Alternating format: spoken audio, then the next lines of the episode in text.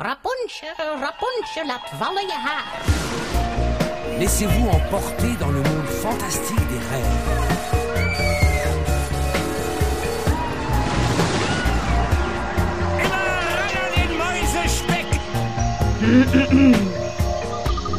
Het is weer ochtend in Pretparkland. Goedemorgen pretparkland en welkom bij je ochtendelijke pretparkpodcast. Mijn naam is Ellen Taats en samen met Sam Klauw was ik in Bellewaarde.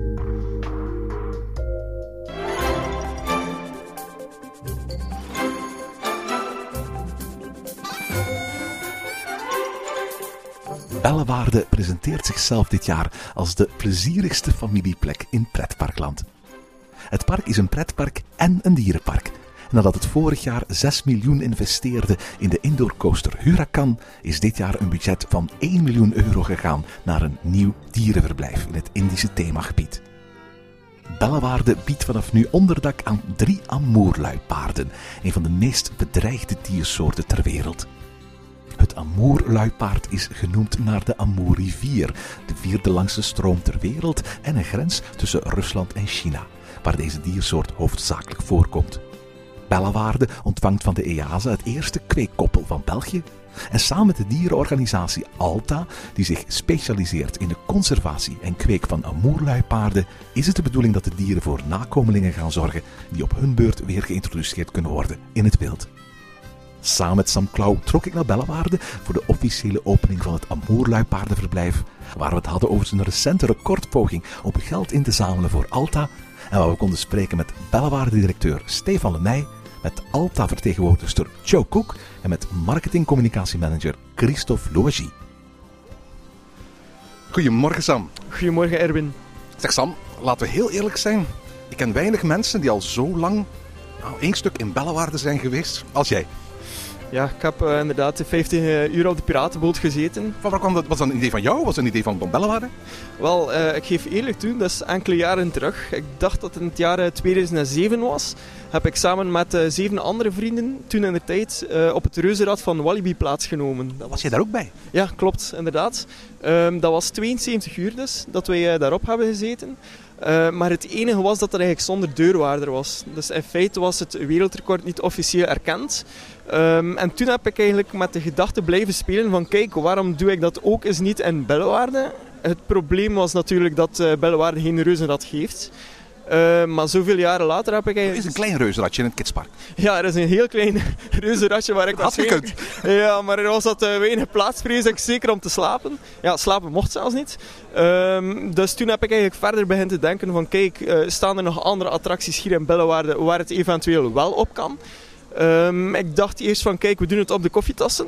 Maar uh, het park heeft me dan eigenlijk echt een uh, sterkste afgeraden. Het treintje tussen de leeuwen en de tijgers? Uh, ja, inderdaad. Maar voor mij is dat eigenlijk, ja, het was iets te gewoon. Dus ja, het moest wel iets zijn waar de mensen naar op zouden kunnen kijken. Van kijk, oké, okay, ja, 50 uur in een piratenboot of in een koffietassen is wel spectaculair. Dat treintje zou iets minder spectaculair geweest zijn. De Niagara? te nat. Huracan? Uh, ja, het is een achtbaan, dus dat, is eigenlijk, uh, dat staat op een uh, andere record. Ah, ja, ja, het mocht geen achtbaan zijn. Nee, dat was ook een van de voorwaarden. Dus het record van achtbaan zetten staat ondertussen op, ik moet eens goed denken, ik dacht 410 uren of zo. Oh, right, dat, dat, daar is geen begin aan. Hè? Dat is behoorlijk lang inderdaad. Maar het andere record van attractie zetten, dus buiten een achtbaan, dat was wel te doen. En daarvoor ben ik dan wel gegaan. Ja, 50 uur in, in, in een piratenboot, ik heb het je al verteld toen ik het hoorde, dacht ik van, dit gaat nooit lukken. Ja, Je hebt dat vast wel meer gehoord. Ja, ja zeker. Uh, voordat ik eigenlijk eraan begon, had ik uh, regelmatig wat mensen gesproken die zeiden van kijk, je bent echt zot. Dat is uh, zeker niet haalbaar. Um, ik had er zelf persoonlijk een heel goed gevoel bij. Van kijk, dat zal zeker lukken. Maar met, met dat die mensen dat eigenlijk begonnen te zeggen. Ja, ik zal niet zeggen dat ik 100% begon te twijfelen. Maar toch, de twijfel zat er wel een heel klein beetje in. Uh, nu, uiteindelijk ben ik er toch, toch aan uh, begonnen. En ik had zowel de indruk dat de eerste uren toch echt wel heel cruciaal waren. Uh, moest ik die uren ja, plotseling een, een raar gevoel krijgen in mijn maag, dan wist ik van oké, okay, dat zou moeten stoppen. maar gelukkig was dat niet het geval. Je mocht niet slapen? Nee, dat was een van de spelregels die Guinness World Record mij oplegde. Dus om niet te slapen. Um, dat was eigenlijk, als ik eerlijk ben, een beetje een domper. Want ik had het uh, uitgerekend dat ik een soort van kooi kon maken in de piratenboot. Dus waar dat de mensen eigenlijk hun voeten zouden zetten. En op die manier dat ik daar eventueel in kon liggen. Dus dat leek me perfect haalbaar. Maar een uh, week voor we eraan begonnen, kreeg ik plotseling te horen van kijk, ja, het mag eigenlijk niet. Dus uh, je moet eigenlijk 50 uur vechten tegen de slaap ook nog eens. Wat, wat, wat doe je om je zo op zoiets voor te bereiden? Uh, als ik eerlijk ben, ja, niet. Ik heb mij totaal niet voorbereid daarop. Ik heb... Je hebt niet zelf eens gewoon een uurtje op die piratenboot gaan schommelen, gewoon om te, te, weten wat het zou voelen? Nee, één ritje heb ik erop gezeten. Enkele dagen van voordien, één ritje en dat was het eigenlijk. Uh, ik heb zelf ook wel een heel klein beetje vroeger gaan slapen dan anders, maar dat was een uurtje, een uurtje en een half. Uh, maar anders totaal niks van voorbereiding. Gewoon uh, erop kruipen en uh, het ding doen. Nu, ik geef eerlijk toe, ik, ik word heel snel misselijk in dit soort, dat soort dingen. Um, kon je eten? Ik kon eten. Ik heb me voorgenomen om eigenlijk ook heel, heel klein te beginnen. Dus ik heb na vier uurtjes een appel gegeten. Om te kijken wat, hoe mijn maag erop zou reageren. Dus de piratenboot bleef nooit stilstaan. Dus ik moest effectief tijdens het schommelen gaan eten. Die appel was geen probleem, dus ik had daar geen problemen mee. En na enkele uren heb ik dan uiteindelijk een potje pasta kunnen eten. En dat was ook zeker geen probleem, dus ik wist dat ik goed vertrokken was. Wat was het, het lastigst dan de 50 uur? Het wakker blijven. Dat was toch echt wel het meest lastige. gelukkig was het zo dat ik een lijst van personen heb kunnen opstellen en doorgeven aan de mensen van Bellewaarde. En die personen mochten dan ook na openingsuren het park binnengaan en uh, samen met mij op de piratenboot zitten. Uh, dat was voor mij een heel hele opsteker. Dus, uh, mensen je wist dat je het niet alleen moest doen. Hè? Ja, ja, absoluut. En zeker ja, als je even kon babbelen en zo met de mensen, dan bleef je ook wel wakker. En zo heb ik echt wel de nachten overleefd. Um, op een bepaald moment verbrak je het record, maar dat was nog niet het einde. nee, het was uh, op 48 uur en uh, ik dacht 10 minuten of zo. Ik moet uh, eens goed nadenken. maar toen ja, moest ik enkele uren nog erbij doen, of een tweetal uur, dus, totdat ik aan 50 zou geraken. En hoe voelde je aan die 50? Had je het gevoel van, eigenlijk kan je nog een uurtje verder blijven gaan? Hè? Of, of was, was het echt totaal op? Het was behoorlijk op, als ik hier mag zijn. de laatste uren waren echt wel zwaar. Zeker omdat ik de dag van voordien, een, ja, ik zal niet zonneslag zeggen, maar ik was toch wel verbrand in mijn gezicht. En uh, om 9 uur had ik eigenlijk een douche of een pauze gepakt van drie kwartier. En een, ja, mag, je mag zeker om, de, om het uur vijf minuutjes pauzeren en je mag die ook opsparen. Ja, die mocht je opsparen. En uiteindelijk had ik heel, heel veel pauze opgespaard. dus, en daarom had ik ook de beslissing genomen om de laatste dag eens goed te kunnen douchen. Dus drie kwartier. Maar als ik eerlijk ben, toen ik de caravan inkwam en ik zag mezelf in de spiegel, dat was toch wel heel erg schrikken. met het verbrande gezicht en zo en de wallen onder de ogen ja, die laatste uren waren echt wel lastig. Maar je hebt het gedaan. En je hebt het niet zomaar voor jezelf gedaan. Je hebt het voor een, ja, voor een goed doel gedaan. Hè? Ja, het goede doel was inderdaad de, de Amoerluipaarden. Omdat de Bellewaarde eigenlijk kijkt om een kweekprogramma op te zetten. Samen met de mensen van Alta. En uh, ik dacht, ja, waarom doen we eigenlijk dat niet als uh, goed doel? Waarom uh, gaan we daar niet voor een bedrag eigenlijk bijeen sprokkelen? En uh, ja, dat is eigenlijk echt wel de hoofdreden geweest. Want ik zei het ook tegen de mensen van het park. Kijk, ik doe zeker geen recordpoging zonder een goed doel. Cool. En we gaan straks met Joe Cook, want zij is hier vandaag op de opening van het Amoerluipaardenverblijf uh, om te horen wat zij met jouw bedrag allemaal uh, kan doen. En nu? Is er een volgende recordpoging die al in je achterhoofd schuilt? goh, ik zou er wel even over, over nadenken. Moest er eigenlijk iemand anders zijn die uh, mij kan kloppen om mijn 50 uur piratenboot wel te verstaan. Oh ja, dus als iemand anders nu 51 uur ergens in een reusrad gaat zitten, dan, dan, uh, dan is het niet zo belangrijk voor jou? Goh, nee. Omdat ik, al ja, de records kan ik sowieso nog niet echt met elkaar vergelijken. Maar als ik echt iemand anders uh, weet van, kijk, ik ben geklopt op mijn waarde, 51 uur piratenboot, dan zou ik toch wel een keer durven overwegen. Alright, uh, luisteraars, je hebt het gehoord. Uh, zorg dat we hier uh, Sam Klauw binnenkort terug in die piratenboot kunnen krijgen. Hè? Veel succes. Zeg, Sam, vandaag gaat dat Amoerluipaardenverblijf open. We gaan eens praten met de directeur, met de verantwoordelijke van Alta, Joe Kok en ook met Christophe Louagie. Want het Bellewaarde bestaat 60 jaar natuurlijk. Hè? Ja, dat is een goed idee. Kom maar. Stefan Lemey, directeur van, van Bellewaarde. Proficiat met de opening van dit dierenverblijf. Dank u wel, dank u wel. Uh, inderdaad, we zijn heel trots op onze Amoerluipaarden en op het Hanse-project. Ja. Vertel eens, waarom Amoerluipaarden? Well, het is zo dat wij eh, als zo, wij zijn officieel erkende zo, trachten wij uiteraard onze bijdrage te leveren aan de conservering van bedreigde diersoorten. En Amoerluipaarden is wel een heel sterk bedreigde diersoort, dus die, die sprak ons sterk aan. Het tweede punt is natuurlijk dat wij heel veel ervaring hebben met roofdieren, leeuwen en tijgers. Eh, meer dan 40 jaar reeds hebben wij de dieren in Bellewaarde. En natuurlijk, eh, die ervaring willen we verder zetten. En daarom hadden wij ook de mogelijkheid om toe te treden naar het kweekprogramma van Amuurluipaarden, wat vrij uniek is. Niet elke zoo wordt daarin toegelaten, omdat zij zeker willen zijn dat die, dat die dieren goed geconserveerd worden, goed verzorgd worden, ehm, goed opgevolgd worden. En met onze ervaring, uh, met, na hun bezoeken, weten zij, uh, kunnen zij er zeker van zijn en op vertrouwen dat wij dat goed gaan doen. Ja. Uh, tijdens de openingsceremonie vertelde je dat, je dat, jullie ook op bezoek gegaan zijn bij, bij, bij andere parken waar amoerluipaarden te vinden zijn. Wat heb je daaruit geleerd? Het is zo dat wij verschillende verblijven in andere zoos, zowel in Engeland, Nederland als Frankrijk, bezocht hebben. Dus verblijven van amoerluipaarden. En daar hebben we gezien dat het nu en dan misschien ook beter kan. En we hebben eigenlijk getracht van te leren uit de uit een aantal fouten dan anderen gemaakt hebben. Maar pas op, alle respect voor de pioniers uiteraard. Want zij, hebben, zij zijn natuurlijk ook een beetje het voorbeeld. Uh, zij hebben veel ervaring opgebouwd en zij hebben zonder problemen die ervaringen met ons gedeeld. En uh, rijke ervaringen, veel, veel, veel details, soms gaat soms over details, over waar dat je best de, de schuiven voor ziet aan de deuren en de poortjes en uh, de legplanken en, en dergelijke meer. hoe hoog, hoe diep, hoe laag moeten de verblijven en de stallen zijn. En dat is ongelooflijk hoeveel dat we geleerd hebben van onze collega's in het buitenland. Maar ook wel, ook wel echt nodig, omdat dat is geen standaard project is. Is ook niet eenvoudig, moet ik zeggen. Uh, we hebben dit nu kunnen, kunnen realiseren in samenwerking met de externe architectenbureau, studiebureau en andere partners. Um, want je kan dit niet zomaar bestellen uh, zoals je soms eigenlijk wel een attractie kan bestellen. Nee, een dierenverblijf is altijd op maat, op maat van het dier, op maat van de soort. En uh, ja, dat maakt het wel heel moeilijk ook. Ja. Want een, een, dierenverblijf is meer dan een, een, verblijf voor dieren natuurlijk. Je wil uiteraard dat die dieren er in zo optimaal mogelijke omstandigheden in kunnen, kunnen bevinden. Maar je wil natuurlijk ook altijd rekening houden, je bent een zo. Dus bezoekers moeten ook zo optimaal mogelijk die dieren kunnen zien. Ja, dat is uh, uiteraard de tweede uitdaging. Niet enkel uh, de dieren, uh, het welzijn van de dieren, maar ook de bezoekers die moeten kunnen kennismaken met die zeldzame dieren op een veilige manier. Dat ook hebben we kunnen exploreren bij, bij onze collega's in het buitenland. daar hebben we gezien dat het gebruik van, van, van ramen en dergelijke uiteraard positief is. Maar ook trainingen voor het publiek. Dat hadden we gezien in één zoo eigenlijk. enkel in één zoo, van alle die dat we bezocht hebben, deed dat ook voor het publiek. En daar hebben we ook kunnen zien hoe je het moet doen, hoe je het op een veilige manier kan doen en hoe dat mensen kunnen bijleren over over, over die dieren op die manier ook. Wat gaat dat nu in, in concreto betekenen? Gaan hier op gezette tijdstippen trainingen zijn en wat ga je dan kunnen zien? Dus het is zo dat we dus drie trainingsmuren met bijhorende weegplatforms voorzien hebben. Dus elk dier kan afzonderlijk getraind worden.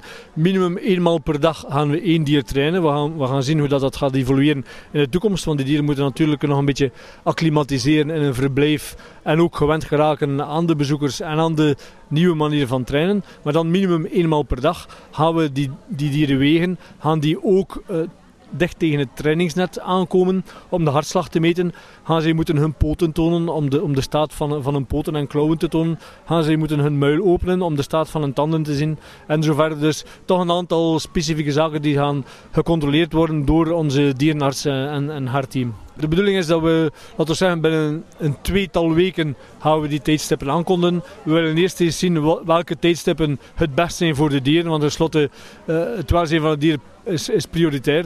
Uh, we moeten stress vermijden, dus we gaan zien welke tijdstippen best passen voor die dieren. En dan gaan we dat zeker vast aan kunnen, kan kondigen, uiteraard. Ja. Um, het is meer dan alleen maar dieren tentoonstellen. Hè? De bedoeling is ook om echt een kweekprogramma te, te, te initiëren. Ja, dus we gaan binnenkort een uh, vrolijk dier ontvangen. Um, en dan gaan we inderdaad een kweekprogramma opstarten met Kitan, met Albus en het vrouwtje die eraan komt. En dat is de bedoeling uiteraard om, uh, om, uh, ja, om te kweken, om jongen te produceren, nee, laten we zeggen. Ja. Het is een enorm verblijf. En laten we heel eerlijk zijn, het is ook de perfecte plek voor hier in het Indische themagedeelte. Ook al past het misschien niet heel 100% thematisch met waar de dieren vandaan komen. Het is het puikhoekje. Ja, inderdaad. We dachten ook dat het hier het goede plekje was. Het is inderdaad een beetje zone India. De dieren komen voor in Rusland en China, ook een beetje in Korea. Maar goed, de thematisering past wel. Ook, ook de natuur, de habitat waar die dieren zich bevinden diezelfde habitat vind je zelf ook wel een beetje terug in India. Dus het klopt toch wel een beetje eigenlijk. En hier op 100 meter zijn ook Afrikaanse ja. leeuwen, dus zo nauw steekt het ook allemaal niet. Hè? Voilà, voilà. Het, is het is het welzijn van het dier die telt. En het feit dat de mensen kunnen bijleren hier en dat ze zien dat Bellewaarde als officieel erkende zoo toch wel investeert in de conservering van belangrijke diersoorten. And we're here with Joe Cook from uh, Alta. Joe, you're a coordinator for Alta and, and more or less responsible for the fact that these Amur leopards uh, uh, were able to come here. Well, that's right. As well as being the coordinator for Alta, I coordinate the European breeding programme for Amur leopards. So Bellavada contacted me and said they wished to have Amur leopards here and asked if I could help, which of course I was happy to do. And they also showed an interest in supporting Alta, which um, raises money for our in situ projects in the Russian Far East and China to help support the Amur leopards in the wild. Could you tell me a little bit more about Amur leopards? Because I have to confess, before I heard they uh, came here to Bellewaerde, I had heard about leopards, never about Amur leopards. Well, Amur leopards are very special. They're the most northerly species of leopard, and they once ranged across the Russian Far East, northeast China, and the whole of the Korean Peninsula. But sadly, due to persecution and habitat loss, they're now confined to a very small patch of habitat on the China-Russia border. So within three and a half thousand kilometre squares, there's only 50 individuals left in the wild. And that's actually an increase. This is the highest level they've been at for the past several decades, so it's quite frightening we're actually in this position. You say 50 in the wild. Uh, how many are there in, in zoos or all, all over the world? Well, within managed programs in Europe, there's just over 100, so about 120 perhaps. Um, just over 100 again in the North American managed um, breeding program, and between 8 and 12 in Japan at the moment. We've just had cubs over there, so I'm not sure of the exact number. Why are they so rare? What's, what's, what's causing their decline? Um, sadly, it's mostly due to human activities, in fact. So, um, habitat loss is a big problem because of the growing population of humans. There's increased industrialisation and urbanisation. So, of course, that incurs on their land. Um, and there's also a big problem with forest fires and logging in the Russian Far East. So, their habitat's been fragmented as well as being destroyed. Um, on top of that, they suffer from poaching, and that's both direct poaching of the leopard, so they're prized obviously for their fur, which is quite stunning, but also for their body parts, which is used in traditional Chinese medicine. And they also suffer from people actually poaching their prey, so people taking deer and wild boar from the forests. Of course, if there isn't enough prey for the leopards, then it's very difficult for them to survive and for their population to grow. Humans are the responsible ones. Very sadly, it is, yes, but hopefully we can turn things around and actually make the future better for them. Now, uh, you're the coordinator uh, for this uh, breeding uh, program. Uh, what does Alta do in the wild? Uh, well, in the wild, we support lots of different projects. We have four implementing agencies at the moment. So they are the Phoenix Fund, um, Zoological Society of London, Wildlife Conservation Society in both Russia and China, and Wildlife Vets International. And our projects um, involve a variety of conservation activities. So we help support anti poaching teams, firefighting teams, obviously population monitoring and wildlife health monitoring, as well as education and outreach. So it's a real massive package. We need to tackle all problems in order to change things around for them. We heard some uh, Claude talking about his, his uh, uh, pirate ship uh, record ordeal. What can you do with that kind of money? Where, where, does that money go to? Well, that was a fantastic thing that Sam did for us. We're very pleased that he challenged himself in such a way. And um, the money that he raised could go on a variety of things. So, to give a few examples, it could actually supply batteries for our camera traps for two years, which is fantastic news. Or it could buy five more new digital camera traps, which are far better than the current film traps that are used in places. Um, alternatively, it could provide fuel for the vehicles that are needed for the monitoring season, or even one of the unmanned aerial vehicles, one of the drones that is being trialled above London Leopard National Park. And these can give an early warning signs of any forest fires or perhaps illegal activities. So there's a variety of things that Sam's money could contribute to, and it makes a real difference. Maybe a personal question. What attracts you to these animals? I mean, there, there are thousands of different animals in the world. Why these Amur leopards? I think big cats in general are quite special to me. Um, Amur leopards, if you ever have the opportunity to see one, are completely stunning. Their grace and their power is just unbelievable. And I think the story behind them actually it really touched something within me. It's horrendous they're in this position due to humans, and if I can do something to help better that situation, then I will do what I can. Bellewaerde has, has, has, two male leopards right now, but obviously uh, uh, there's a female uh, needed for the breeding program. That's right. So one of the males, Kitan, um, he has a female lined up for him now, who will hopefully be arriving later in the year. And we hope that between the two of them, they will produce cubs, and those cubs will continue another generation in the breeding program, and potentially be um, involved in the reintroduction program to create a secondary population of Amur leopards back in the wild in the Russian Far East. What do you think of this habitat? I mean, it, it, it looks quite large to me. Is, is, is it true? It's fabulous. It's really nice to see someone.